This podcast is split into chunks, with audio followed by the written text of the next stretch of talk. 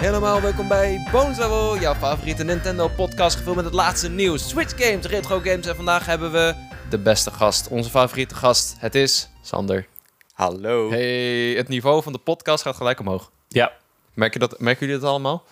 Nou, ik merk er zelf niet zo heel veel van. nee, ik ben niet ongemakkelijk Maar is dat bij elke gast zo, dat het niveau omhoog gaat? Uh, nee, bij Sander. Oké, welke gast is dat bijvoorbeeld niet zo? Um, ik, ik, ik, wil dat je geen namen noemt. Alleen nee, ik denk wel dat het niveau van de podcast eigenlijk omhoog gaat als we gast hebben. Ja, dat denk Nou, in ieder geval inhoudelijk. Ja, inhoudelijk. Ja, daar gaat het om. Uh, Sander, we hadden het net over een, uh, een bonusdier. Misschien wil jij hem even noemen.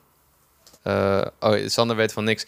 Um, nou, ik wil normaal vragen altijd aan een gast heb je een bonusdier, ja. maar we hadden hem eigenlijk al besloten. Vandaar dat we uh, de. Maar ik ben uh, meteen weer vergeten. Shiba Inu genaamd Peanut Butter noemen. Want uh, ja, dat was wel de meest indrukwekkende puppy van. Um, nou ja, in ieder geval 2024. Want deze hond heeft een speedrun gedaan tijdens Awesome Games Done Quick 2024 van de game Gyromite. En dan denk je misschien, hoe doe je dat dan? Nou, Um, hij was sowieso niet op locatie. Dat was een uitzondering. Normaal moeten mensen daar in de zaal zitten en dat doen. Uh, maar nu ging het via een livestream. En uh, ja, de hond kreeg ja, snoepjes. En daarbij drukte hij op knoppen. En hij heeft zijn best gedaan, maar hij is wel gestorven. Dus hij deed het heel snel. De hond? De, nou, in-game is hij. Oh, Jezus, nee, sorry. De, de hond is overleden voor, voor het einde van de speedrun. Nee, gelukkig niet.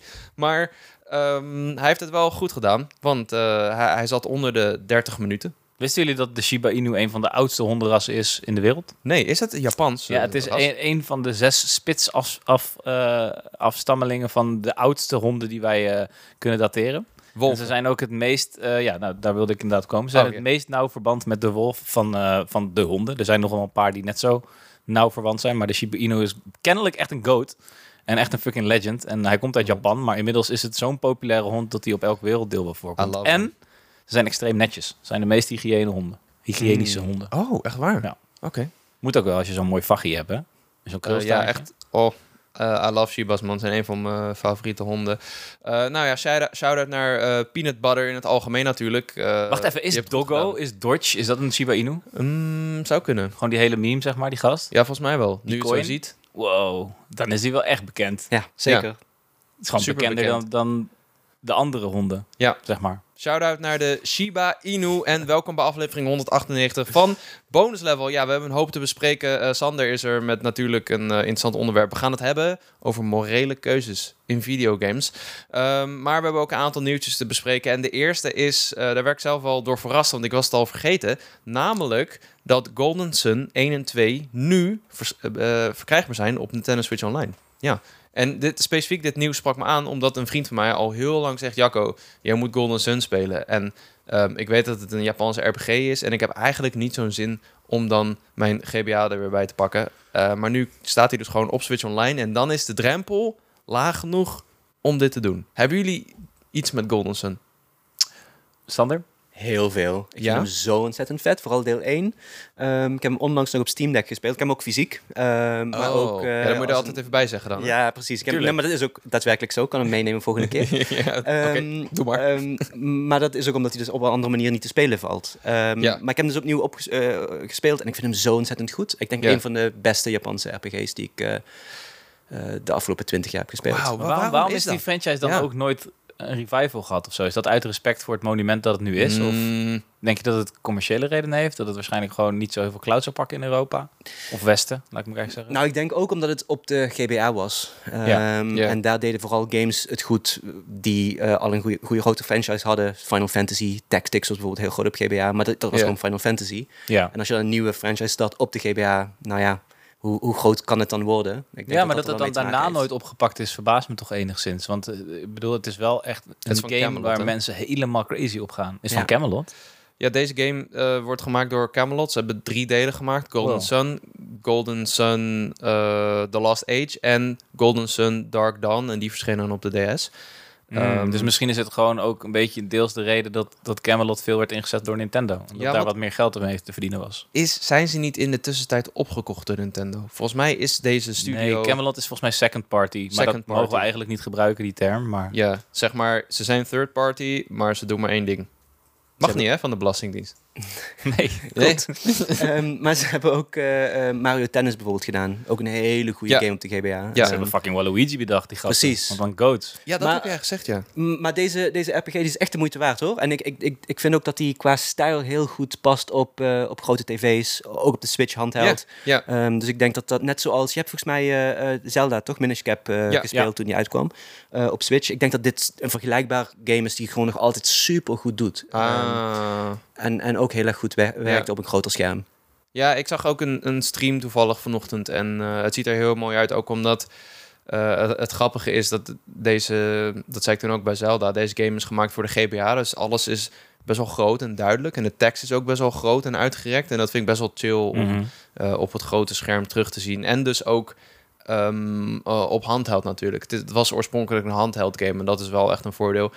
ik zie dat uh, een van hun eerste games uh, Everybody's Golf voor PlayStation was. Ja, ze waren dus eerst onderdeel van Sega. Dat was uh, de. Sonic Software Planning gedeelte van Sega. En toen ja. zijn ze inderdaad voor PlayStation gaan ontwikkelen. En daarna heeft Nintendo gezegd van, yo, kom bij ons. En wat dus wel opvallend is daarna, na Golden Sun The Lost Age, hebben ze dus inderdaad alleen nog maar Mario sportgames gemaakt. Mario Sportgames, ja. En daarvoor ook Mario Golf en Mario Tennis nog. Dus ze zijn wel begonnen. Mario Golf sowieso een, op, op de Game Boy, legendarische game. Um, ja, is, ja, dat dan, is dat dan slecht nieuws dat zo'n studio uh, in, in de Nintendo-machine verdwijnt? Ik bedoel, als het Warzone was geweest, hadden we natuurlijk allemaal iets erover te zeggen nu. Ja, nou en, goed. en die sportgames van Nintendo, ja, op een paar... Hè? Ik bedoel, hoe goed was die Mario Golf Super Rush nou? Of, of Tennis ja. Aces? Ten, ja, die waren allebei waren ze wel oké. Okay. Ja. Toch? En maar, maar lang niet zo goed als die GBA-RPG's van Mario Tennis en Mario Golf. Die dus ergens heel is zonde. waren. Ergens is zonde, ja. En dat is wel grappig, want Mario Tennis is natuurlijk ook een... Uh, of was het golf? Ik haal ze altijd door elkaar. Dat was ook een RPG. Ja, die, die tennis-game. Uh, die ja, tennis. Ja, die bedoelde ik eigenlijk. Ja. Um, heel uitgebreid. Ik heb die ook onlangs nog gespeeld uh, ja. op de GBA. En ja. um, heel, heel erg sterk, mooi, um, heel uitgebreid. je, je lo doorloopt een hele tour van een amateur. Dan ga je naar een eiland, doe je mee in grote competities. Oh, als ja. een RPG. Ja. je komt ook allerlei bizarre personages tegen. eigenlijk een beetje wat, uh, wat volgens mij RPG's ook nodig hebben. Een andere setting, onverwachte setting.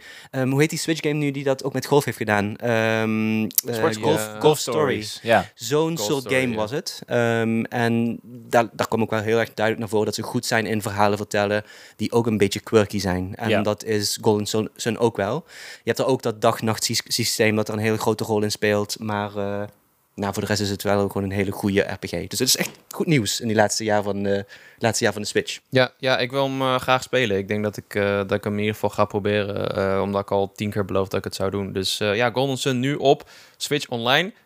Nou, we hebben natuurlijk voorspeld, binnenkort Pokémon Day. Hopelijk wordt het eindelijk een keer tijd voor Gen 3. Uh, ik geef de hoop niet op. Uh, maar in de tussentijd hebben we nog meer nieuws over Prince of Persia The Lost Crown. Want reviewers zijn erachter gekomen. Uh, en niet ik. niet, ik was ook een reviewer, maar niet ik. dat een personage in het aankomende Prince of Persia The Lost Crown... Ja, dat komt natuurlijk... Is er waarschijnlijk al uit als je dit luistert... zit die niet door een mens is ingesproken, maar met text-to-speech van een stem is voorzien. Oftewel, nou ja, de, de, de stem wordt met een ja, soort van AI, nou niet echt een AI, het wordt gewoon omgezet in geluid. En dat was een vergissing, want dat gebeurt wel vaker met tijdelijke assets die ze gebruiken tijdens het maken van een game. Um, en ze zijn die vergeten te vervangen. ik zou eerlijk zijn, het is eigenlijk een, een reden voor mij om nog even over deze game te praten. Want heb jij hem al gespeeld, Cody? Nee, want hij is nog niet uit, Jacco. Oh, dat is waar. ja, tenzij ja, je Ubisoft, je Ubisoft Plus hebt. Ja, het houdt een keer op, jongens. Ik heb al zes Plus accounts. Disney Plus, ja. PlayStation Plus. Ik ga best wel vaak naar de Plus voor mijn boodschappen. Ja, was alles 1 euro, hè? Afgelopen Ja, dat was dus bij mij in de buurt. Die, die hele die stormloop op de wc-papier. Ja, doe, ja, ik was, was ook was in een Random Plus toevallig. Was ik, en er stond een rij tot aan het einde van de winkel. Ik denk, wat de hel is, is ja, dat is crazy. Maar bij, mij in loop, ik had niemand ervan gehoord hoor. Ja. Heb je wel mensen over Ubisoft Plus verteld? Dat wel, dat, ja. Dat hadden jullie ook kunnen doen nu, in plaats van hier bij onze Plus ja, die hebben dus ook nu een, uh, een joint promotion lopen. Ubisoft Plus en uh, de Plus, die kan je daarvan kopen. veel liever Prince of Persia spelen dan naar Plus gaan. Want oh my god, deze game, hoe verder ik kom... En ik was nog niet ik zei vorige keer dat ik over de helft was. En ik denk dat ik iets minder ver was dan ik dacht of zo. En um, dat is een goed iets. Want hoe meer ik deze game speel, hoe meer ik denk... Oké, deze gaat heel hoog eindigen in mijn top 10 games. Wauw. Sommige ik... Metroidvania's klikken niet bij mij. Deze klikt zo erg. En Ik, ik heb dus uh, een gesprek daarover gehad met, uh, met, ik weet niet meer precies wie het was. Ik denk nu Bastiaan vroeg op. En, en, Want je, de review van Gamer van Puur lopen best wel uiteen. Ja. En, en wat ik me dus nu heel erg afvraag, afgaande van die gesprekken... en ook een tweet van volgens mij Simon die ik vanochtend zag... die helemaal niet goed op die game gaat. Ja, maar, ja. Is dit een hele goede game? Of is dit een leuke manier voor men die niet zo bekend is met het Metroidvania-genre... om daar eens een keer hun klauwen aan te zetten? En profiteert het daar heel erg van? Nou, het is een hele goede game. Ik, ik heb nu genoeg Metroid games gespeeld... dat ik niet van mezelf zou zeggen dat ik een beginner ben in Metroidvania's. Ik wel, nee.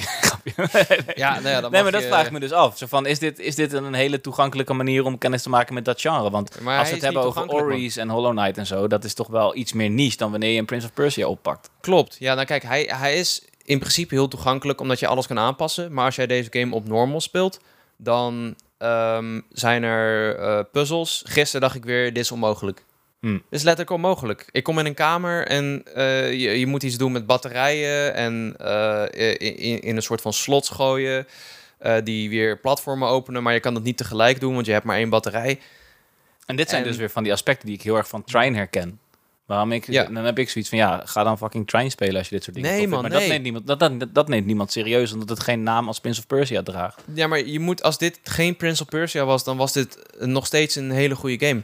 Dan was misschien iedereen, dan had, hadden mensen dit de verrassing van het jaar genoemd, waarschijnlijk. Right, oké, nou cool. Ik ben heel erg benieuwd. Maar ga verder. Ik onderbrak je een beetje, maar ik wilde toch even nee. advocaat van de duivel spelen. Nee, dat, dat soort puzzels. Uh, ik denk iedere keer, dit, dit is onmogelijk. Ik kan dit niet doen. En dan denk ik, ja, misschien dan heb ik een theorie en dan ga ik het uittesten en dan werkt het niet helemaal. Maar dan denk ik, ah, wacht eens even, als ik dit nou zo doe, als ik nou zeg maar op een platform ga staan, dat platform gebruik om mezelf in de lucht te lanceren, daar zo een, een time warp kopie van mezelf te maken en dan op de weg naar beneden dat batterijding te pakken en voordat ik de grond raak, terug te warpen naar boven, terwijl de deuren sluiten, want je moest iets tussen deuren gooien omhoog, dat ding nog omhoog gooien dan werkt het misschien. En dan ga je het proberen en dan lukt het. En dan denk ik, fuck, dit is goed. Dit is precies Trine, gast. Ga Trine ja. spelen. Nou ja, goed. Uh, dat, ik, niks tegen Trine. Ik heb Trine zelfs wel eens gespeeld.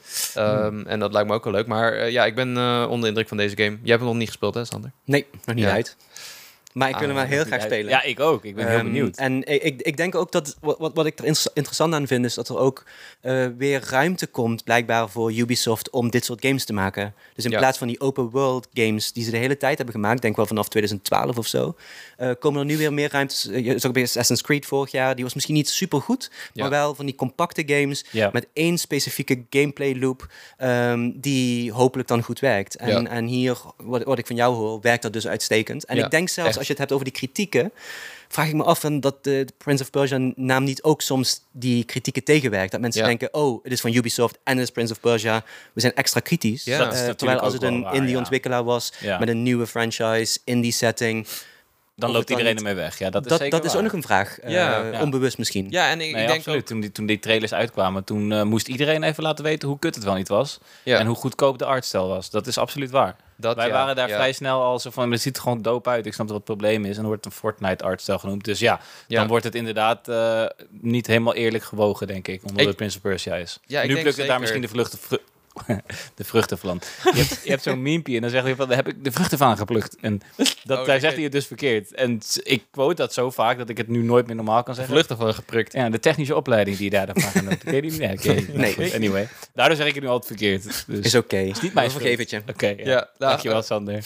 Goede game jongens. En uh, nou goed, we, we, hadden gestreamd met Rogina. Die heeft hem een 92 gegeven. En ik begin me daar steeds meer in te vinden. Ma dus, mag ik er nog even wat over zeggen? Want ik, ik was die stream nee, het is klaar. Oh, oh nee, maar dat sluit ik ook af. Dan mijn bonusonderwerp, dat, dat doen we, samen. Je gaat weg nu? Ik ga nu weg. een uur moeten wachten, omdat Cody nooit goed in zijn agenda kijkt. maar ik, ik was die stream dus aan kijken. Ik was uh, uh, wat opdrachten voor, uh, voor mijn werk na aan kijken, wat studentenwerk. En ehm, toen heb ik deze ook op de achtergrond opgezet. Op een gegeven moment toen kon ik me niet meer concentreren op het werk, omdat ik het zo tof vond hoe jullie samen die puzzels aan het oplossen waren. Ja. Dus het is ook nog eens een game dat als je niet van dit genre houdt, volgens mij is het ook heel leuk om naar te kijken. Ja, omdat het echt een vette, vette actiegame is.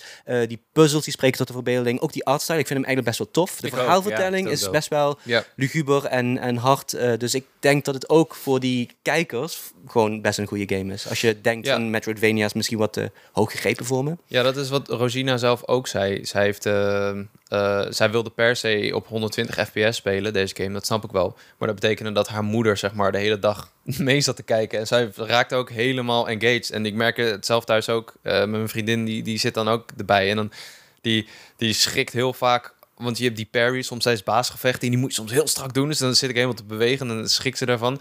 Um, maar ook uh, die puzzels, weet je. Je zit dan met z'n tweeën een beetje na te denken van... ja, kun je dit misschien doen? Kun je dat misschien doen? En dat, ja, daar is deze game ook heel goed voor. Dus uh, meekijken, ja.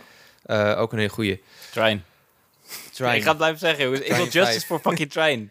De hype train. Dit is nu zijn tijd. ja, nou ja, goed. We, hebben het al over, over train gehad, toch? Ja, maar ik word nooit serieus genomen. Hoezo? Niet in die top 25 discussie van... Neem jij Cody en Trine serieus? Sowieso. Maar, maar hey, wacht even. Ik, ik, heb ook, ik heb ook Trines gespeeld. Hè? Ik heb 1, 2 en 4 gespeeld.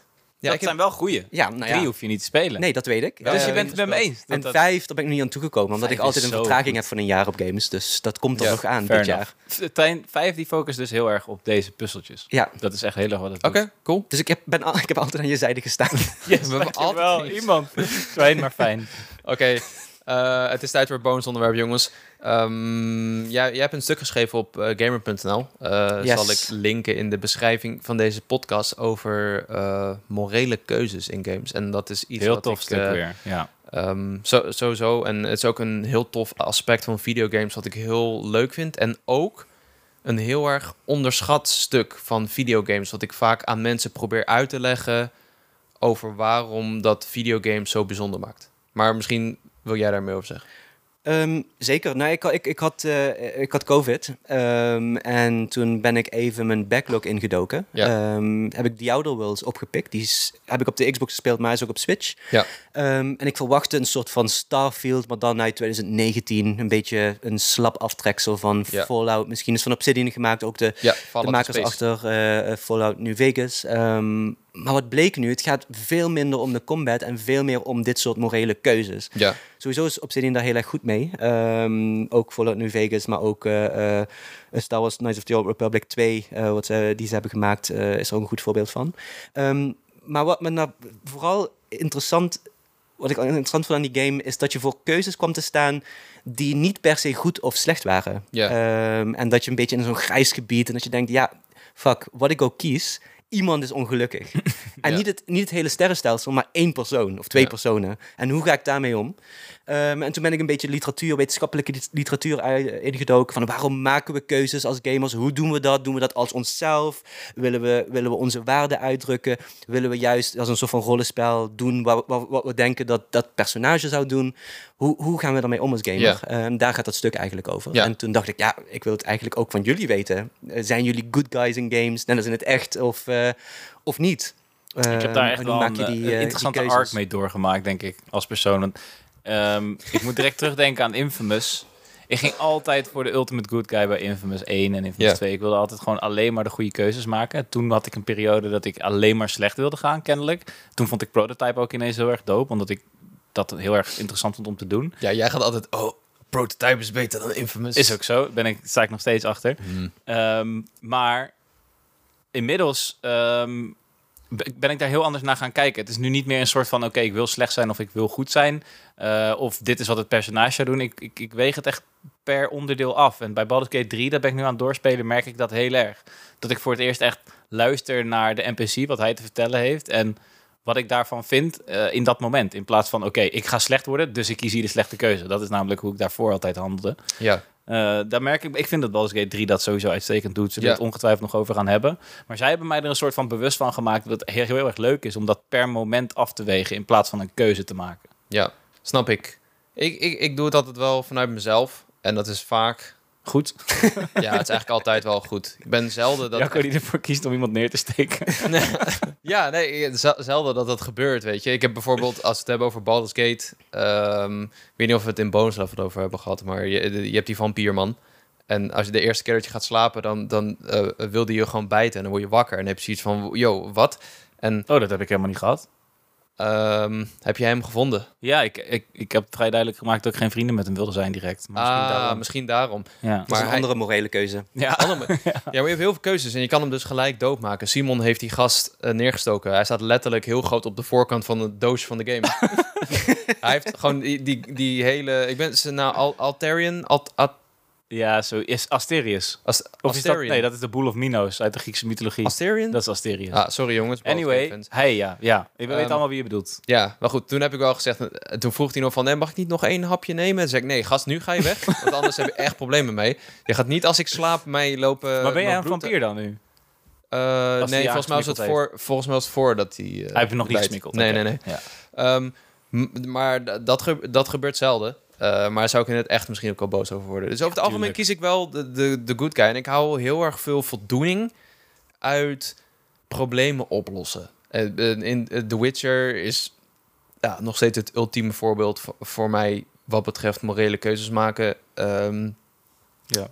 er, er, er zijn manieren in The Witcher om dingen op een goede manier op te lossen. Om zeg maar het minste kwaad aan te richten. En uh, wat ik heel erg aan die game waardeer en minder waardeer aan bijvoorbeeld, en jij zegt het ook in je stuk, aan bijvoorbeeld Horizon of uh, zelf had ik het met Fallout 4. Um, sommige games die schotelen heel erg voor wat voor toon of wat, wat voor gevolgen jouw keuze heeft. En eh, Horizon is het beste voorbeeld, want die zet daar letterlijk een hartje bij. Ja, klopt. Een, een, een, vuistje of een, een, een, nog iets anders of zo. Ik weet niet. Het geeft drie logotjes en dan krijg je de keuze. Nou, wil je lief reageren? Wil je het conflict aangaan? Of wil je uh, die, die derde keuze doen? En um, ja, ik heb dan voor mezelf... Ja, waarom zou ik... één, waarom zou ik het conflict aangaan. Want er is een kans dat, dat je dan weet je, een moeilijk gevecht krijgt of, of een personage wegjaagt. En twee, dit haalt voor mij alle plezier uit het maken van die keuze weg. Want ik vind het juist heel voldoenend om als mezelf een situatie te lezen. Oké, deze uh, Witcher die is um, in de val geluist. Uh, nou goed, het is een, een, een sidequest in The Witcher. En dan moet je beslissen of iemand uh, het verdient om, om, om dood te gaan of niet. En als je dan besluit om zijn verhaal aan te horen en niet impulsief reageert, dan zou, is er een, een case voor te maken die zegt: Oké, ehm, ik, ik, ik, ik laat je gaan. En uh, ik vind het heel fijn om, zeg maar, als ik zelf de, de antwoorden kan lezen en dat ze ook volledig uitgeschreven staan. En daar komt een goede uitkomst uit. Um, daar ben ik dan heel tevreden mee. En dat is wat ik heel leuk vind aan het maken van keuzes in games. En ik begreep dat in die Outer Worlds dat het nog veel subtieler kan zijn. Ja, nou ja, een kleine spoiler. Dat ik ga misschien één ding uh, delen. Maar dat is ook een, een sidequest. Um, waar dat volgens mij heel goed naar voren kwam. Maar op een gegeven moment kom ik een, een oudere vrouw tegen. En die zei, hey, kom eens even langs, kom eens even langs. Uh, kom eens even langs. Uh, nou ja, zo ongeveer zei ze dat. um, en ik, ik, ik, ga natuurlijk langs. en toen zei ze, nou, ik ben mijn zoontje kwijt. Ik ben mijn zoontje kwijt. Maar uh, die is buiten het dorpje. Daar zijn allemaal monsters, dus ik durf niet naar buiten. Kun je alsjeblieft dat zoontje opzoeken en, en die voor me terugnemen, uh, meenemen weer. Uh, want ik, ik wil weer met hem herenigd worden. En ik dacht, ja joh, kom maar op. is allemaal prima, zo'n fetch quest. Doe er wel nog eentje.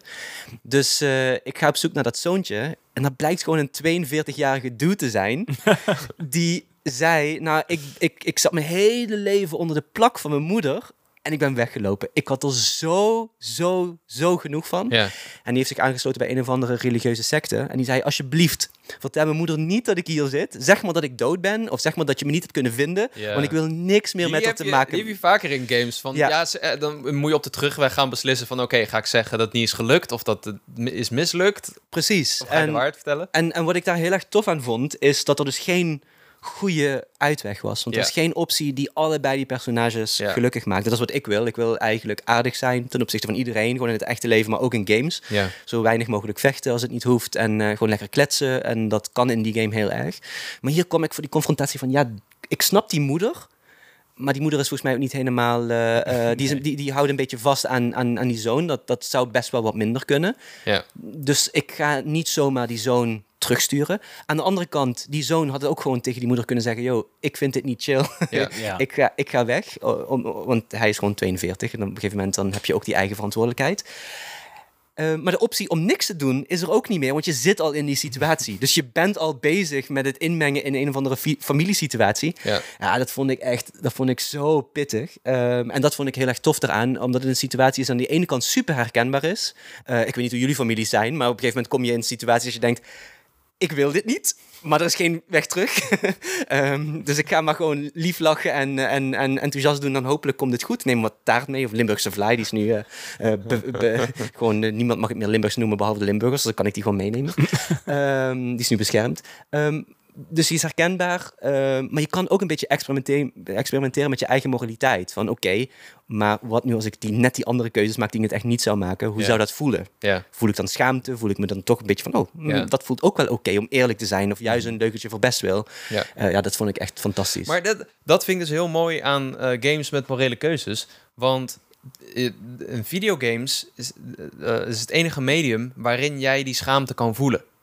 Kijk, je kan je misschien schamen voor iets wat je kijkt, maar uh, je verplaatst je in videogames in een personage. En um, daardoor voelt het voor mij ook echt als een soort van oefening of zo voor het echte leven. Ik heb ook uh, voor mijn scriptie wat onderzoek gedaan naar empathie en VR. En daar heb ik me wel echt gericht op VR en wat de immersie dan betekent. Maar er zijn ook nou, een, een handjevol studies gedaan naar um, meer de theorie achter gamen. Want uh, gamen, uh, het spelen, dat, dat zoals de uh, oude Grieken dat benaderden, dat, dat is eigenlijk een soort metafoor voor oefenen voor het echte leven. Daarom, weet je, kinderen die spelen dingen die ze later gaan toepassen op het echte leven. En um, het is natuurlijk een vrij letterlijke manier om naar videogames te kijken.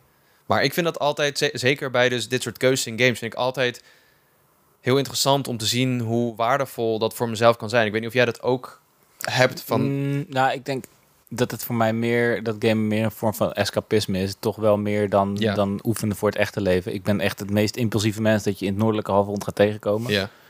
Um, en ik ben er trots op. En daar heb ik soms uh, negatieve gevolgen door. En uh, mensen mogen me er niet door. Maar hey, het is wie ik ben. En als ik ga oefenen met hoe ik zou moeten zijn, dan wordt het denk ik heel lastig in mijn hoofd.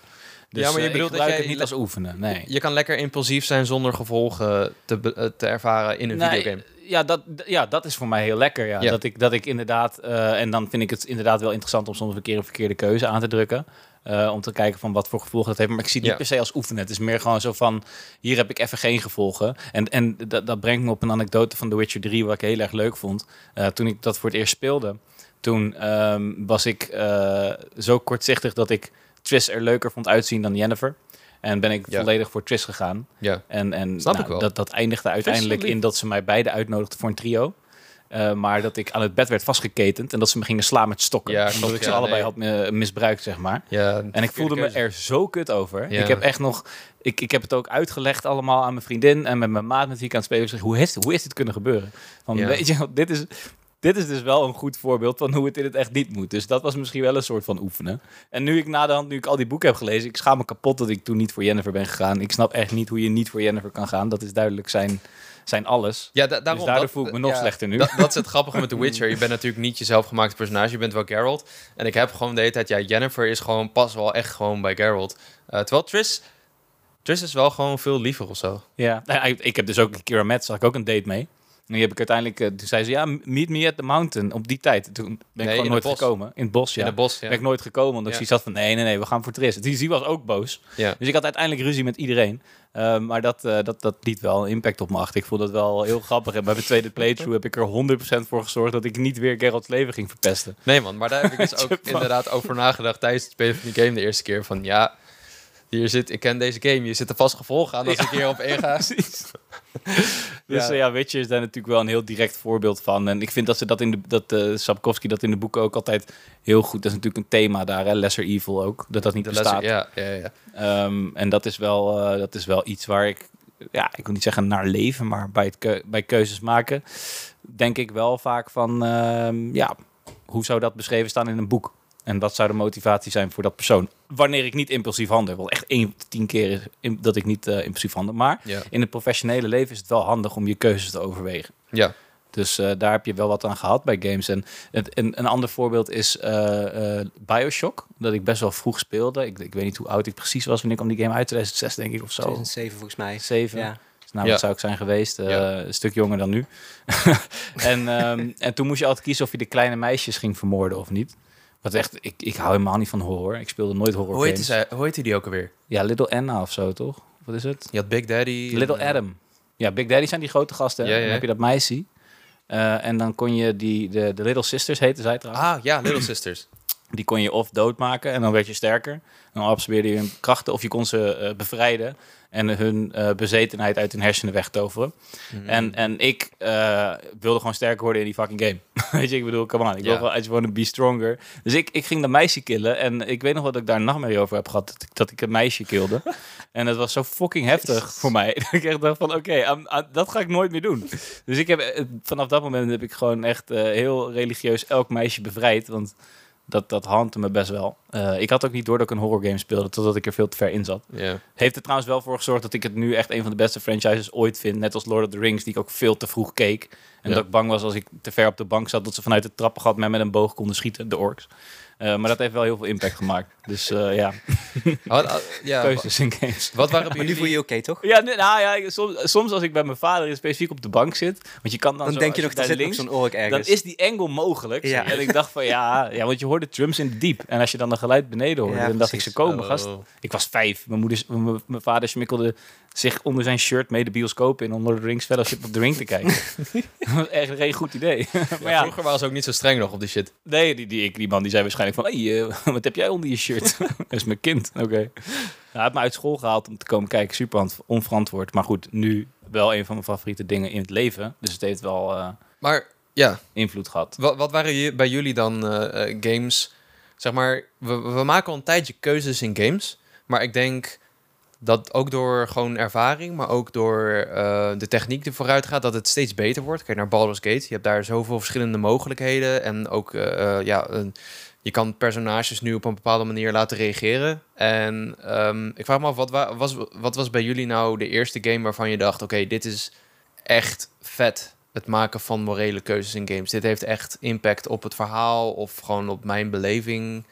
Um, ik, ik, ik, denk dat voor veel mensen uh, The Walking Dead is van Telltale. Mm. Dat is een, het is een van de eerste games waarbij ik echt dacht van... Oké, dit is heel cool gedaan. Dit, dit draait echt om keuzes maken. En, en ook uh, die andere Telltale game van My Game of Thrones. Dat je, dat je tegen Bolton Ramsey moet ingaan. Die heeft ook wel indruk die weet gemaakt. Ik niet, uh, Mocht je kiezen of je voor of tegen Ramsey zou, zou okay. zijn. Dat was ook heftig. Ja, Telltale was hier sowieso heel goed in. Um, en uh, dat, uh, volgens mij wordt daarom The Walking Dead door sommige mensen nog gezien als een van de beste games ooit. Ik denk, maar ik denk wel dat die zijn ingehaald of zo. Nou, misschien niet, ja, misschien op technisch vlak ingehaald. Want dat draaide natuurlijk volledig om die keuzes. En verder is die game, sorry mensen die nu boos worden, niet heel boeiend toch qua gameplay.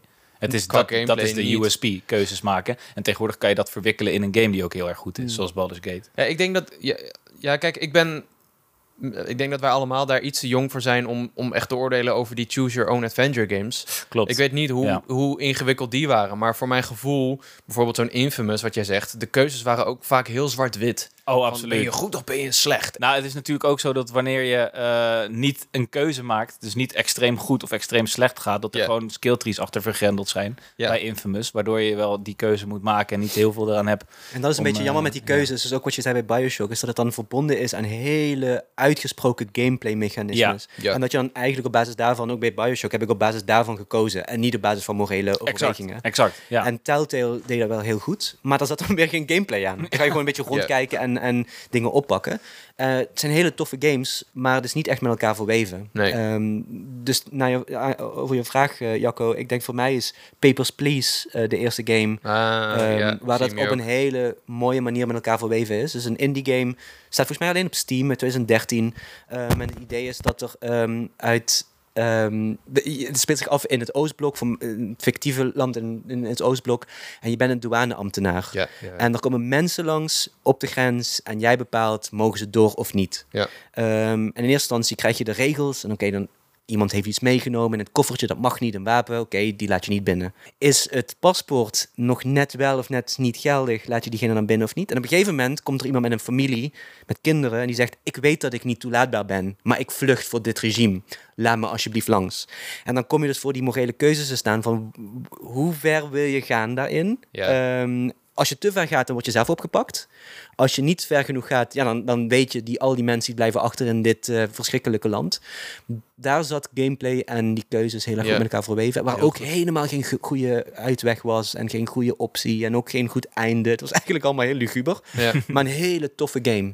Die ook liet zien van, hey, dit is ook hoe de wereld er buiten games uitziet. Um, dit is het werk dat sommige mensen doen. En voor mij is dat ook wel heel belangrijk in die morele keuzes. Um, ik heb Baldur's Gate nog niet gespeeld, maar dat was in die Outer Worlds ook hele herkenbare situaties. Ik zie mezelf niet als douaneambtenaar werken, maar ik kan me wel voorstellen dat in een ander leven je in zo'n positie, positie terechtkomt en dat soort keuzes moet maken. Ja, ja, ja. En dat je dan in games de mogelijkheid hebt om daar uh, een beetje empathie of solidariteit voor te ontwikkelen. en te begrijpen van, joh, dit speelt er gewoon in de wereld. En een beetje geëngageerder wordt. Dat vind ik er heel, heel tof ja. aan. En aan de andere kant ook eh, interessant om te zien wanneer die keuze dus wanneer die keuze niet hebt en dat voor je wordt weggehaald. Zoals bijvoorbeeld bij de hele reden waarom de Les Part 2 denk ik zo'n succes was.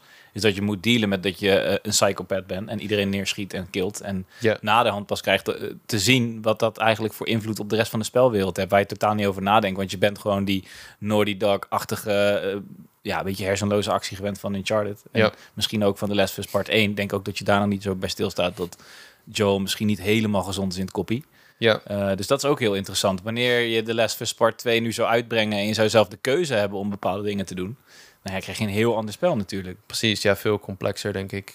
Um, dan was Sander gewoon vrienden met iedereen. Die had gewoon een nieuwe wereldorde gevestigd. klopt, waarschijnlijk wel. Ehm, maar, ehm, maar juist, ik denk juist dus sommige gamers, som, in sommige games je niet de keuze geven, is een heel sterk punt. Ja. Van, yo, je hebt even niet de keuze om aardig te zijn. Dit is wat, waar je het mee moet doen. En, en volgens mij is dat ook heel belangrijk. Ja. Uh, maar tegenovergestelde dus. Ik had in dat artikel had ik het even over Assassin's Creed Odyssey. waarin Ubisoft dat een beetje probeert te doen. Van oké, we gaan dan richting een RPG en je mag je personage kiezen, een van de twee. En je hebt uh, bepaalde dialoogopties. Maar omdat daar dus de consequenties zo simpel zijn. Het zijn een paar romances die je hebt en een paar grappige one-liners die je kan roepen. En de personages die, die doen er eigenlijk niet toe. Het zijn een soort van saaie, suffe Griekse actiehelden. Ja dan, dan vallen die keuzes ook meteen weg. Dan is het heel plat allemaal. Ja. Dus dan heb ik liever inderdaad, zoals in het deel daarvoor Origins, waarin je een uitgesproken personage hebt met een bepaald uh, wereldbeeld, een idee waar je het misschien niet mee eens bent, maar dan beleef je het verhaal van diegene.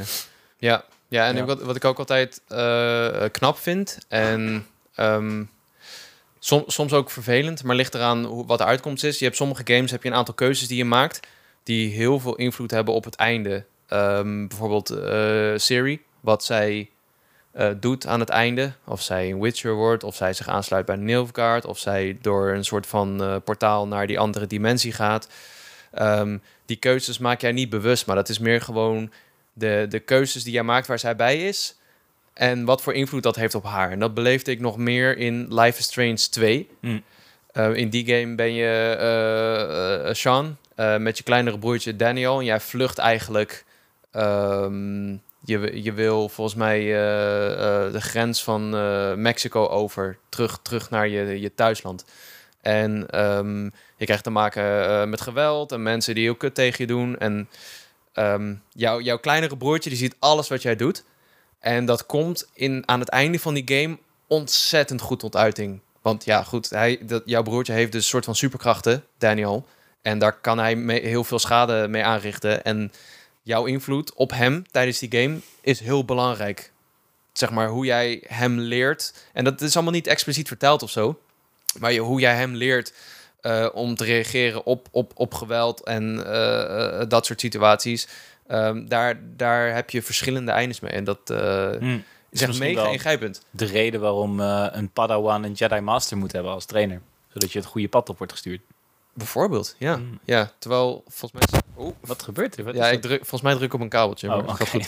volgens mij heeft Sander een iets andere mening uh, over Jedi. Nou, over, over um, nou dat, dat is misschien een persoonlijk... Uh, persoonlijk probleem. Uh, namelijk dat ik de Jedi echt totaal niet vertrouw.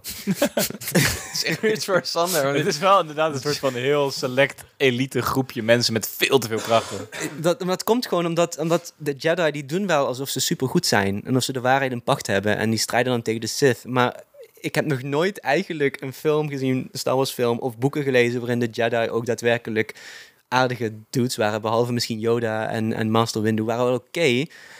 Maar volgens mij, als je, geloof, als je te veel gelooft in jezelf en dat je goed bent, ja dan moet er toch ergens ook een king in het kabel zitten. En dan moet er ergens ook wel een duistere gedachte zijn. En uh, ik, ik denk dat dat extreme, extreem goed, extreem kwaad, uh, daar, daar geloof ik absoluut niet in. Dus ook in, uh, in Knights of the Old Republic, ik denk wel een van de beste Star Wars games die, er, die er zijn. Ja. Um, kun je dus kiezen van oké, okay, word je een Jedi of een, of een, of een Sith. En ik vind eigenlijk alle, allebei de opties vind ik niet, niet oké. Okay. Nee. en, en dus had ik. Je wil beetje... gewoon ergens een commune starten. gewoon. Ja, ik, ik, heb, ik wil gewoon een klein boerderijtje en dan een baby Yoda daar. En, en dat, dat, wil ik. Maar dat kon dus niet. Je moest dus ultiem goed, wat ik dus niet vertrouw. Uh, die mensen die dat claimen, dat ze wel weten hoe de wereld uh, in elkaar moet zitten. Of die uh, extreem slechte mensen. Um, dus absoluut. Eh, maar die games zijn wel echt fantastisch hoor. En, en, ik vind daar ook past het heel erg goed dat je, dat je ultiem goed of ultiem kwaad kiest. Dus dat je ravage aanricht in een bepaalde stad. Of dat je zegt, nou, deze, deze kiddo's gaan we even redden. Want dat is het goede voor de wereld. En dan krijg je opeens zo'n, volgens mij zit zo'n witte punten en dan krijg je weer bepaalde skills. Ik hoop wel heel erg dat deel 3 van, uh, Jedi, van Jedi Fallen Order of de Jedi-reeks nu van Respawn, dat die dit gaat doen met keuzes. Dat is het enige wat, wat dat derde deel nog relevant kan maken, denk ik. Zeker nu yeah. Knights of the Old Republic remake gestagneerd is. Ik weet niet of die definitief gecanceld is. Uh, die, ja, die gaat waarschijnlijk niet meer uitkomen. Nee. nee. Dus dat is wel een mooi moment voor Respawn om te zeggen van we gaan die keuzes erin verwerken. Want ik verwacht dat, het, dat het qua engine en qua... Zeker. Nou, hij liep al niet heel lekker. Maar ik denk niet dat het heel veel stappen in dat opzicht nog kan maken in drie jaar tijd. Nee. Ja. Maar je kan wel de heel, alles overhoop gooien door Kel Kessis nu keuzes te laten maken. Ja, wel jammer man van die remake. Want ik denk dat juist in deze tijd een Star Wars een Knights of the Old Republic, een nieuwe, dat dat heel goed kan werken. Omdat we zo, zoveel verder zijn en zoveel meer geleerd hebben over hoe je dat goed kan doen in games. Terwijl het origineel natuurlijk best wel een pionier was op dat gebied. BioWare sowieso. ik had uh, Mass Effect 2 nog in mijn hoofd. Wat voor mij denk ik de eerste game was waarbij ik echt dacht... wauw, dit is echt heel vet. Uh, ook waarbij je die timed uh, moment hebt. Dus je hebt een balkje en gaat zo... Du, du, du, du, en dan moet je dan een keuze maken. Oh ja, dat is bij Lies of P ook zo. Ja. Oh, ja. Weeg niet door bij Lies of P trouwens. Bij Mass Effect wel. Oh, ja, dus dat is wel anders. Maar dat is inderdaad niet leuk. Ja. je ziet gewoon die balk weglopen... en je bent nog niet verder met je keuze... omdat je met die balk bezig bent. Stress, jongen. Stress. en dat is goed. Want je, het gaat erom... Weet je, dat laat zien dat je ergens omgeeft. En dat het ook impact kan hebben.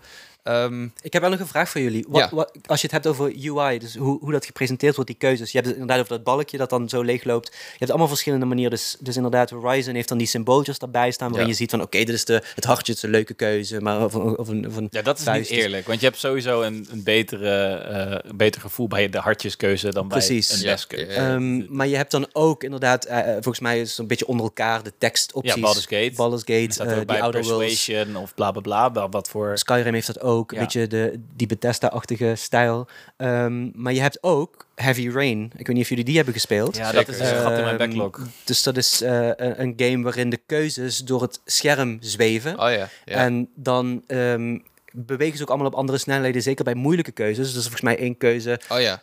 Um, inderdaad, waarin je bijna niet kan zien ja. wat er staat en welke knop je moet indrukken. Heel vet wel. Um, dus dat ze het ook als gameplay mechanisme introduceren. Ja, wow, dat is wel hebben jullie. Hebben jullie een voorkeur?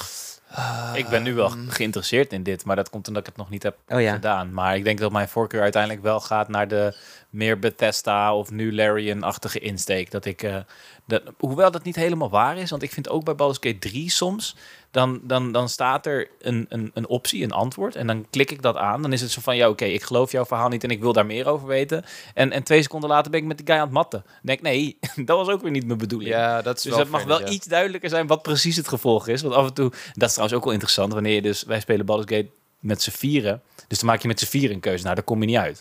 Zeker niet als je met iemand speelt met een moreel kompas van een schildpad. zoals Mol. Die is alleen maar iedereen aan, aan het oplichten en aan het stelen. En ik probeer gewoon een beetje... Dus dat is ook weer een interessant aspect. Maar uh, ik, heb wel, ik wil het wel rustig even tot me kunnen nemen. Hmm. Want in het echt, je gedachten gaan natuurlijk een stuk sneller dan het lezen van tekst. Ja, en... En bij Lies of P, wat jij net zei, dat je zo'n bak ziet aflopen. Ja ja, daar schiet ik niks meer op. Ik ben alleen maar bezig met, oh, ik heb nu nog maar vijf seconden, nu nog maar drie seconden. Ja, bij, bij sommigen kun je uh, beter wat meer nadenken. Maar ik vind het ook wel leuk dat ze je echt forceren om snel een keuze te maken. Um, ja, qua UI, ik weet niet, ik vind gewoon de BioWare en The Witcher... Um, manier. Ja, Witcher doet het ook met tekst gewoon, toch? Ja, en gewoon die balkjes, gewoon, je, je hebt gewoon uh, linksboven, rechtsboven, linksonder, rechtsonder. Oh, ja. en daar is wel heel duidelijk van, oké, dit is Ehm, extra informatie die ik kan vragen. Dus dit gaat dieper in op het gesprek. Het is optioneel. En dit is ook niet gelijk een antwoordkeuze. Sommige games heb ik wel eens, ik kan nu geen voorbeeld noemen hoor, maar dat ik door wil vragen, maar dat het eigenlijk een antwoordkeuze is. Ja, dat heb ik dus bij Baldur's Gate best wel vaak. Ja, dat zou, ja, dat zou goed kunnen. En, maar dat is niet, dat is gewoon slecht zijn, denk ik, man. Dat is niet echt een keuze, I guess. Ik denk dat je goed duidelijk moet maken, oké, je gaat nu een antwoord kiezen uh, en dit is optioneel. Uh, zonder het aan te laten voelen. Want dat is dan wel in Life is Strange heel erg. Ehm, de, bij een hele belangrijke keuze heb je de twee keuzes in beeld. En dan gaat de muziek. En dan moet jij een van de twee kiezen. Um, je, ja, ik, denk, ik vind dat de speler ook best zelf mag nadenken over... oké, wat ik nu zeg kan een hele grote impact hebben. Ja. Je mag best een cue krijgen. Maar... In, in, dat opzicht doet Skyrim dat misschien op zich wel goed. Als ik denk aan, aan de, dat je moet kiezen op het begin tussen de Stormcloaks en de Imperials. Je praat gewoon met beide. Daarna ga je weer je ding doen. En op een gegeven moment moet je een keuze maken bij wie je aansluit. Dus dan ga je naar dat volk toe. Ja. Dat geeft mij gewoon tijd en ruimte om erover over na te denken. Ja. Ja, dat vind ik ook een hele goede inderdaad. Dat je meer je, je, keuzes maakt door... Uh, door terug te door je, door je daden, ja. Ja, door je daden inderdaad. Hebben we dat ook niet in GTA 5? Dat je kan kiezen, je kan kiezen van uh, wie je neerschiet aan het einde? Je kan, je ja, kan, je kan van inderdaad wel kiezen volgens mij. Ja. Maar dan kun je volgens mij kun je dat fysiek doen, want dan heb je op de map en dan ga je ook heel bewust die keuze maken, zeg maar. Van je gaat er naartoe rijden. Je bent letterlijk onderweg naar je keuze, inderdaad. Ja. ja. ja. Um, hebben jullie nog een paar keuzes die je willen noemen? Want ik heb er toevallig één die ik heb opgeschreven, die ik wel graag uh, wil uitlichten. Maar jij hebt een paar genoemd al, Sander. Heb je nog iets waarvan je denkt, oké, dit was echt de moeilijkste keuze in een game? Nou, ik vind het eigenlijk bijna nooit zo moeilijk. Ik denk dat dat ook een van mijn punten is. Uh, niet in het artikel hoor, maar in het algemeen. Dat ik denk, nou, het is best wel duidelijk waar ik sta. Um, en vrij, vrij vaak komt daar ook dan een antwoord mee overeen. Um, ja. En wat ik eigenlijk het leukste vind, is dan ook in, in The Outer Worlds bijvoorbeeld, heb je dan, kan je kiezen tussen twee fracties. En de ene is eigenlijk goed uh, een beetje de rebellen en de andere, dat, dat die overheerst het, uh, het, universum. En daar ga ik dan natuurlijk nooit voor, want ik wil altijd aardig en leuk zijn. Dus ik ga altijd voor de rebellen en ondersteun die gewoon. Maar ik ben ook lief tegen de anderen, dat ook.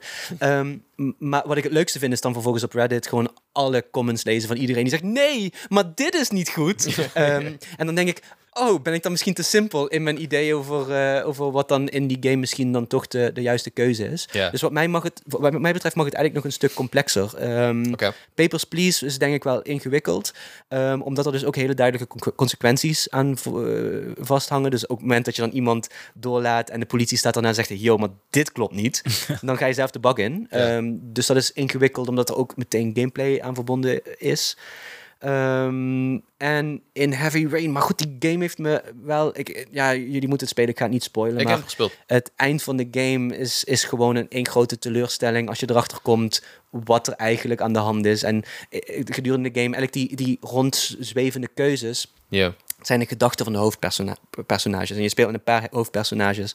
Um, maar je, je komt erachter dat eigenlijk dat mechanisme niet klopt. Yeah. Dus dat die gedachten niet per se dan altijd de gedachten zijn. En dan denk je, ja, goed, die game heeft me gewoon niet serieus genomen. Ja, ja, ehm, maar die keuzes waren ook wel pittig, omdat daar dus ook uh, heel duidelijk uh, een, een, een soort van druk achter zat, tijdsdruk, en je kon niet lezen. Dacht ik, ja, maar je moet je vinger toch afhakken bij één zo'n stuk? Klopt. Ja, dit echt. Klopt. man. Ja, ik dacht van, oké, ik moet dit 100% wel doen, want anders word ik, volgens mij word je dan uh, kapot gezaagd door een, door een cirkelzaag. Maar ik zat zo, ah, ik heb hier geen zin in. Ik weet dat je dit moet doen, maar ik heb hier geen zin in. Ja, maar wel, wel, een leuke keuze dat ik nog mag toelichten is van, ook van die Outer Worlds. Um, je hebt dan allemaal teamgenoten en dan reis je met door de planetenstelsel en dat is best wel leuk. En je hebt dan één uh, teamgenoot en die wordt dan verliefd op een engineer. En um, de quest gaat dan eigenlijk over wil je die met elkaar koppelen. En dan kom je erachter van, oh, ja, maar ik weet niet of zij ook op vrouwen valt. Hoe, hoe zit dat? En hoe, ga, hoe zou je daarmee omgaan? En dan probeer je diegene dan een beetje te helpen. En dan, dan, dan impliceert ze een beetje... ja, maar ik ben ook helemaal niet van het fysieke contact. Ik ben aseksueel. Um, ik kan dat niet delen, want in het verleden heeft dat al heel veel problemen met verkeringen opgeleverd. Kun je me alsjeblieft helpen? Uh, zullen we misschien even naar de bar gaan om, om ons vol te zuipen en dan hebben we het er wel over. Ehm, en daar heb je dus zoveel keuzes in, in hoe je haar helpt, of ook niet. Um, dat vond ik wel echt heel tof en ook heel menselijk. Oké, dat is een beetje vrienden die bij je langskomen met, met een soort van zorg die ze hebben, of een onzekerheid. Hoe ga je daarmee om? Je weet niet wat het voor consequenties heeft. Dus niet per se heel moreel, want je wil uh, gewoon diegene helpen, neem ik aan. Ja. Um, maar goed, uiteindelijk heb ik ze wel aan het daten gekregen. Dat was heel erg leuk. Um, en toen zei mijn teamgenoot dus, ja, maar nu wil ik ook hier blijven. Toen zei ik, ja, maar dat gaan we niet doen. dus uh, maak het maar weer uit en kom met me mee, want ik heb je gewoon nodig in mijn That's team. Hard. dus, dus toen kwam ik er ook achter, ik ben helemaal niet zo goed als ik doe voorkomen. ik ben misschien toch die Jedi, die slecht goede Jedi. Lijp. Ja, ja. Cool. Uh, ja, ik heb nog eentje uit Life Strange die ik graag wilde uitleggen. Um, dat was echt een moment dat, ik heb het veel over die serie gehad, maar dat was echt een moment dat ik dacht, wauw, dit is echt waanzinnig. Um, ja, ik weet niet in hoeverre jullie... Ik ben, het maakt mij niet uit als je het spoilt door. Ja, maar je hebt hem niet gespeeld, hè? Nou, ik, ik ben wel, bekend met een paar van de keuzes. ja. Oké. Nou ja, goed. Life Strange gaat over uh, twee meisjes, uh, Max en Chloe. Um, die kennen elkaar van uit de buurt volgens mij, of van de basisschool. En ze groeien een beetje uit elkaar. Um, Chloe's vader overlijdt in een uh, auto-ongeluk. Zij wordt een beetje een uh, rebelse tiener, uh, verft haar blauw, luistert naar punkrock. en op een gegeven moment gebeurt er iets en zij komt weer bij haar op de middelbare school, Arcadia B. En Max, wat daar best vriendin was, die, um, nou goed, die heeft, die heeft dus tijdkrachten. Haar tijdkrachten. En zij spenderen samen tijd en uh, daar, gaan nog wat meer dingen mis, want uh, Chloe had vroeger een vriendinnetje en die is uh, zwaar vermist en daar is ze super verdrietig om. En Max denkt op een gegeven moment, weet je, ik, ik moet mijn, mijn krachten zijn een gift. Laat ik helemaal teruggaan in de tijd. Dat gaat ze dan, dat had ze nog nooit gedaan. En kijken of ik dat probleem kan oplossen. Dus jij gaat als speler, ga je als Max helemaal terug in de tijd als, als kids. En uh, dat vond ik wel heel grappig, de situatie. Want jij bent dan in, in haar huis met haar ouders. En zij, weet je, zij maakt dan, uh, die moeder maakt dan brood voor je. En dat deed me echt een beetje denken aan... De Flash? Uh, nee. Dit is het plot van de Flash, wat je nu vertelt. ja, ja oké, ja, ik snap wat je bedoelt. maar het deed me een beetje denken aan vroeger als je bij je beste vriend langskwam... dat die ouders eigenlijk een soort van extra ouders waren. Dat je een soort van tweede huis had. Zo comfortabel voor ja. je. Ja, en dat, die vibe krijg je heel erg. En um, jij gaat dus proberen dat auto-ongeluk te voorkomen door die sleutels te verstoppen. Dus jij lost een paar tijdpuzzels op. Je hebt een paar tijdpuzzels, moet je dingen uh, proberen en uh, terug in de tijd steeds. En op een gegeven moment heb jij de sleutels verstopt. En um, nou ja, die vader zegt, ja, ik kan die sleutels niet vinden, maar ik moet nu weg. En jij zegt van, weet je, neem de bus anders. En je weet hem te overtuigen om de bus te nemen. En hij, hij vertrekt met die bus. En jij gaat terug naar het heden. Nou ja, Max die heeft opeens allemaal andere vrienden. En je denkt, oh, dit, dit, er is misschien iets misgegaan, want het is wel veel veranderd nu. Uh, dat butterfly effect, dat is ook een beetje het thema van de game. En jij klopt aan bij Chloe, haar moeder doet open en zegt, oh, hey Max, dat is lang geleden. Uh, en dan uh, roept ze, hey, kijk eens wie er is. En dan komt Chloe en ze zit in een rolstoel, volledig verlamd. Chloe is um, zelf in die auto gestapt uiteindelijk en ontzettend gecrashed. En uh, dat is niet eens het ergste. Dat was echt de eerste keer dat ik echt moest huilen bij een game. Want dat was ook de cliffhanger van episode 3 uit mijn hoofd. Uh, en episode 4 begint dus met, nou ja, je spendeert een dag met haar. Zij rijdt rond uh, in de karretje. Je geniet een beetje van de zon. je haalt herinneringen op van vroeger. Je kijkt een film en kijkt foto's. En het is lachen. En je helpt haar een beetje met haar medicijnen nemen en zo. En op een gegeven moment zegt ze, Max, ik wil dat dit mijn laatste herinnering is. Dit was zo'n fantastische dag met jou ik, dit, ik, hmm. En jij praat ook met haar ouders en je ziet de rekeningen. En haar ouders lijden er echt onder. Ze hebben amper geld. Uh, zij doet pijn en ze zegt: Ik weet nu hoe het gaat. Ik ben alleen maar het afgeleiden. Ik krijg elke dag meer pijn. Het wordt elke dag duurder. Um, de komende maanden gaan we alleen nog maar meer lijden. Kun je alsjeblieft mij een overdosis morfine geven, zodat ik hier Jezus, gewoon in slaap val? meer, man. En dat is de keuze. Wat de hel? Nou. Dat is gewoon marteling voor de speler. Daar kan ik geen keuze in maken. Ik, kon, ik, ik wist niet wat ik moest doen. Ik wist letterlijk niet wat ik moest doen. Want jij kan haar dus uh, laten overlijden, vredig. Maar ja, dan ontneem je haar wel het leven. En je weet niet wat dat voor gevolgen heeft voor Max. Weet ik, weet ik veel waar de game heen gaat. Wie weet heeft dat ook nog wel impact op het verhaal. Of je kan kiezen, ervoor kiezen om te zeggen... Nee, je kan eerst zeggen van ik weet het niet. En dan probeert ze je nog een keer te overtuigen. En dan kun je uiteindelijk zeggen, nee, ik doe het niet. En dan zegt ze echt, dan, dan, dan scheldt ze je helemaal verrot. Dan zegt ze, ja, Max, uh, je hebt me jarenlang achtergelaten na mijn ongeluk. Je bent verder gegaan zonder mij. Uh, ik dacht dat je mijn beste vriendin was. Uh, en zelfs dit wil je niet voor me doen. Nadat je. Je hebt haar dus een beetje jaren verwaarloosd. omdat zij ja, gehandicapt is geraakt. Um, maar wat ik me afvraag, hè, het is misschien iets te lastig nu om uit te leggen. Maar die, dat, persoon, dat persoon dat ervoor kiest om haar leven te proberen te redden, waardoor zij in een rolstoel belandt, dat is een andere... Nee, dat is Max. Dat is haar vriendin. Je probeert haar te helpen, maar... Ja, maar jij verwaarloost haar vervolgens. Ja. Maar dat, ben, dat is niet het personage dat jij bestuurt. Dat is een andere tijdlijn personage daarvan die die keuze maakt omdat ze in een rolstoel zit. Want ik neem aan als jij die keuze maakt en ziet wat het voor resultaat heeft, dat je er niet verwaarloost, toch? Nou, ze zijn sowieso in de game uit elkaar gegroeid, omdat haar vader overlijdt en daarom verhuizen ze een tijdje volgens ja, mij. Ja, dus de tijd gaat door, maar jij bent niet bewust die Chloe, of hoe ze ook heet dat ben je pas weer op het moment dat je terugkomt uit... Ja, daarom ja, lastig. Van tijdreizen is altijd ingewikkeld. Het is ingewikkeld, ja. maar, goed, ja, op dat moment ben je zo... Want je, die hele scène bouwt op naar... Oké, jou uitleggen wat voor impact dat heeft gehad. Ook op haar ouders en zo. En uh, uh, dat, die keuze was zo moeilijk. Ik heb uiteindelijk, eh, toen ik, toen ik de eerste keer speelde, heb ik gezegd... Nee, sorry, dat kan ik niet. Dat kan ik niet doen. En toen, dat was zo hartverscheurend dat zij dan op jou reageert van... Uh, uh, maar je hebt me jaren achtergelaten en uh, je was mijn beste vriendin. En jij loopt dan weg terwijl zij daar ligt te huilen. Nou, pff, echt. Ja. Fucking videogame is dit, jongen. Ja, uh, ja misschien twee dingen. Het eerste is dan ook als je keuzes maakt, je weet ook gewoon niet wat de consequenties zijn. Nee. Dus nee. ook al denk je op dat moment, het is een goede keuze. Wie weet. Komen die ouders wel binnenrennen of zo? En zeggen ze, wat ben jij nou aan het doen? En ze het tweede is dan misschien ook vanwege het thema dat als je zelf negatieve gevoelens hebt, kun je altijd 113 bellen. Want dat is wel ja. uh, een heftig thema. Dus dat, als je absoluut. luistert, en, dan is 113 een goed platform om, om daarvoor ja. te bellen. Dat vind ik een hele goede. Ja, dat uh, moeten we misschien ook nog even in de beschrijving van de podcast zetten. Dat is sowieso een, een, een, nog een groter thema, los van deze scène in uh, Life is Strange. Maar daarom, dat is wat ik bedoel met... Um, um, dat, dat, dat soort morele keuzes. Ze laten je zo erg nadenken over dingen waar ik nog nooit over na heb gedacht.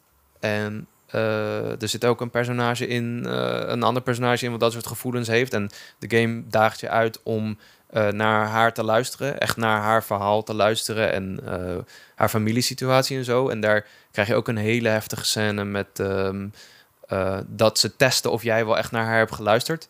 En ik was zo blij dat ik al, dat, dat, dat ik al die optionele dingen heb gedaan en toen haar beter kende, zodat ik haar kon helpen.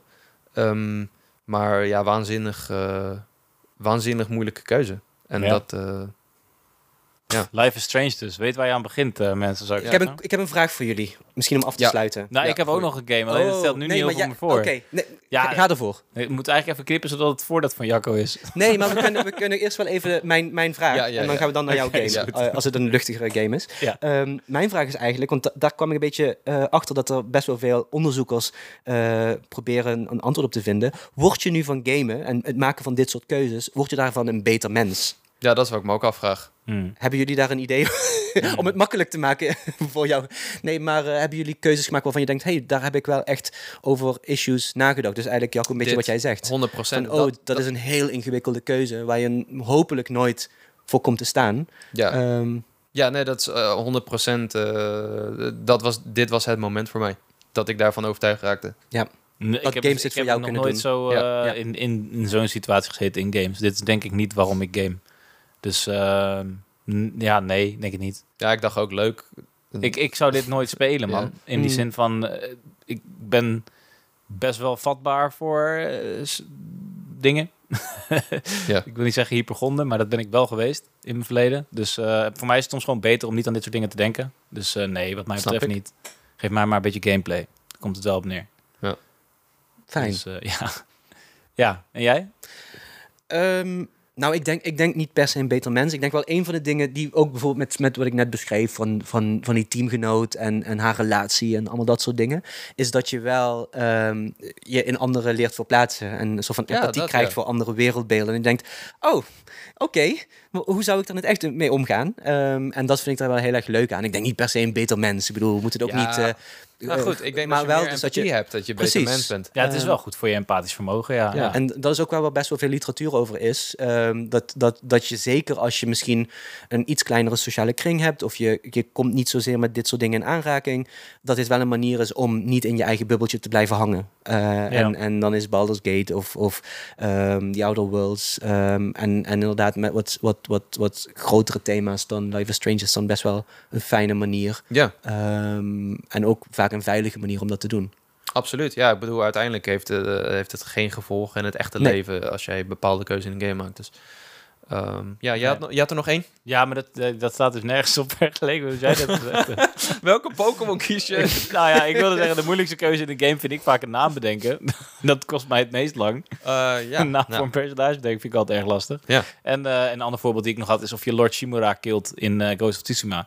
Waarin die game, die gaat helemaal ah, nergens om keuzes. In geen enkel opzicht heb ik het idee dat ik een keuze heb gemaakt. Is dat een wraak? En ineens... Nou ja, dat is zeg maar jouw, jouw Jedi Master, jouw, jouw oom, degene tegen wie je heel erg opkijkt. En de allerlaatste missie moet je keuze maken, want dan vecht je tegen hem. Hij blijkt niet ah, helemaal ah, cool te zijn geweest. Ja. En dan moet je beslissen of je hem killt of niet. En uh, ja, maar ja, dat, dat, is niet te vergelijken met realiteit. Want ik ben geen Japanse vrijheidsstrijder in het feodalisme.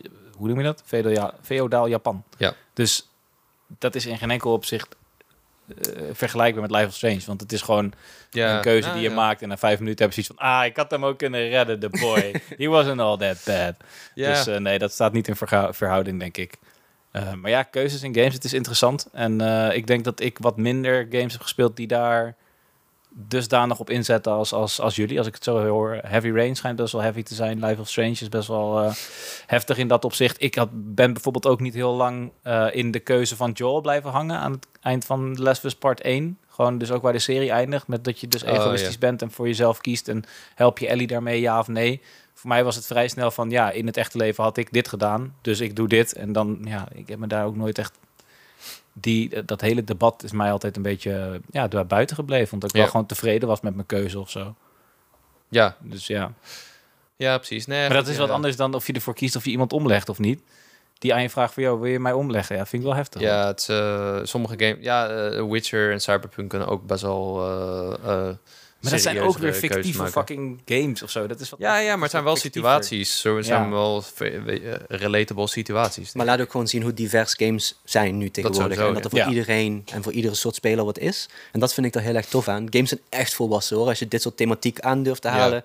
Of zelfs, ik bedoel, op, op, op kleinere schaal iemand seksualiteit op die manier gepresenteerd in games. Ik vind dat zo, zo belangrijk en goed. En nou, als je dan bij die Outer Worlds gaat het over asexueel zijn. En dan ga ik, ik heb een beetje achtergrondonderzoek gedaan. Dat betekent dat die, kwam erachter dat die schrijver van die specifieke sidequest dat ook is. En die zei van, joh, maar dit komt nergens in geen enkele mediavorm voor. Als je naar Netflix-series kijkt, alles wordt... Uh, Um, gaat er dus niet over, die representatie is er niet. Um, waarom doen we dat niet in games? Um, en bouwen er een kleine quest omheen. En waar, waarbij je niemand wat opdringt. Je hoeft die hele quest niet te doen. Je hoeft helemaal niks daarmee te doen. Maar als je het interessant vindt, dan zit het erin. Mensen voelen zich daar wel door opgedrongen. Maar misschien is dat een discussie die we niet moeten aangaan. Maar ik bedoel, bij de lesbus was er natuurlijk heel veel gezeik om, om het zo maar te noemen. Dat er een, een uh, personage in zat, die, uh, dat vonden mensen dan helemaal niet leuk. Maar, ja, maar nu, nu vaak kun je keuzes maken in games. Dus als jij letterlijk denkt van daar met dit personage wil ik niks te maken hebben, dan heb je zelfs nog die vrijheid. Mm, ja. Niet in Last Ja, niet in Maar Outer World sowieso. Ja. En uh, ik vind het wel interessant wat je zegt. Bij sommige van dat soort um, uh, thema's waarover je dan keuzes maakt, dan zie je heel erg de makers terugkomen. Want ik heb toen dus ook een keer echt een uur lang gepraat met de bedenkers van Life is Strange over hun uh, ervaringen ehm, op, op de middelbare school en zo en in hun eigen leven. En dat eh, is echt een gigantische inspiratiebron voor al die games geweest en zo. En dat ehm, ja.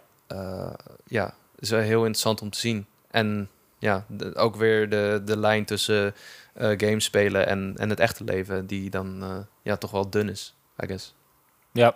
Ja, cool. Um, ja, ik ben vooral benieuwd of de mensen ook nog games hebben of specifieke keuzes waar ze nog aan moeten denken. games met nou ja, dit, dit soort keuzesystemen. Ik denk dat iedereen even moet bijkomen, eerlijk gezegd. ik vond het een heftig gesprek. Ik, wist, ik was er niet op voorbereid. Volgende keer neem ik iets heel zachts mee. Doen we volgende keer weer een virtuele orde waar we in kunnen vluchten, zoiets. Ja, ja kerst. Helemaal favoriete getal. Vind ik ook wel. Ja, favoriet, favoriete getal in games. Kunnen we ook, ja, in games dan. Ja. ja. Sander, zo, ja, ik heb even uh, onderzoek gedaan. Er zijn, uh, als je rekent, zijn er elf getallen. Als je nul meerekent. dat zegt de literatuur. ja. we, kunnen de, we, we, gaan nu een top, uh, top 11 getallen maken. dat wil jij al heel lang doen op ik wil, ik wil een toplijst van top 10, top 10. getallen maken. ja, maar ik heb, ik heb een beetje een soort van re een regel. Ik, ik, ik neem één keer een, een wat pittiger onderwerp mee. En de keer daarna is het gewoon lekker, lekker relaxen. Nou, ik, vind het goed hoor. Ik denk alleen niet dat ik heel goed uit mijn woorden kom in zulke situaties. Omdat ik uh, niet heel goed ben. Ja, ik Daar is een keer eerlijk, hoor. Ik ben niet zo goed mens als jullie jongens. Ik ben gewoon een guy. Je hoeft, jawel, ben je wel. Nou... Ik, vind van wel, ik zou je maar niet vertellen wat ik met Lord Chimera gedaan heb. Berend ja. kijkt of ik er daar hebben ze het over. Uh, maar goed, ja, laat het vooral weten in de Discord en naar bonuslevelcast.gmail.com. Ik zal ook nog even op Spotify weer zo'n vraag stellen. Dan kun je die invullen en een uh, poll. Ik weet nog niet waar het over gaat. Uh, maar ja, thanks Sander. Ik vond het weer leuk dat je er was. Mensen kunnen jou volgen op Twitter, ja, maar goed, Twitter, dat is... Uh, ja, ik vind... Een morele keuze heb ik daar ook in gemaakt, hoor. Ja, shit. Die, ja, die maar uh, Instagram, dat kan wel. Instagram, ja. ja. Um, maar dat hoeven we niet meer te zeggen, toch? Hij is vaste gast. Vaste gast, ja. Ik kan niet elke aflevering zeggen waar ze jou kunnen volgen. Zou je wel fijn vinden, volgens mij. Hoezo? Waar zouden mensen ze volgen ons al. Ze volgen ons al, hier, bij Love. Oh, ja, oké. Ja. niet maar het echte leven. op X zit je bijvoorbeeld. Op? Facebook? Uh, nee, niet op Facebook, man. Daar oh. doe ik niks mee. Nee. Hebben mensen wel eens gedaan, maar toegevoegd op Facebook denk ik, ja, dat heeft er geen zin. Nee, echt al gewoon... Dat was de opvolger van Hives en toen vond ik het al niet relevant.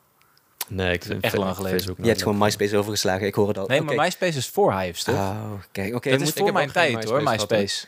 ja, Hives was echt een ding. Hives en MSN uh, was ons uh, begin. MSN, ja. Mm. Maar MySpace, dat ken ik ineens echt. Ja. ja. Of uh, misschien wel uh, TikTok binnenkort. We gaan kijken of we wat social clips kunnen delen. Dat zou leuk zijn. Uh -oh. Ja, misschien Deze grote teleurstelling eindigen dat ik als enige van, jullie, van onze drieën op MySpace heb gezeten. Ja, maar dit komt ook oh, echt uit 1921 of zo. Ja, thanks. cool. Nou, uh, jongens, en vond je dit een leuke aflevering? Laat even een beoordeling achter in de podcast-apps van Spotify en Apple Podcast. En volg ons er ook ermee op de hoogte van elke nieuwe aflevering. We hebben uh, nog uh, een aantal dingen gepland. Volgende, nee, over twee weken zijn we te gast in een andere wereldberoemde podcast. Oh ja, inderdaad. En we spraken ook nog iemand om eventueel een direct te coveren. Dus dat wordt super leuk. we zien je in ieder geval bij de volgende Bonus Level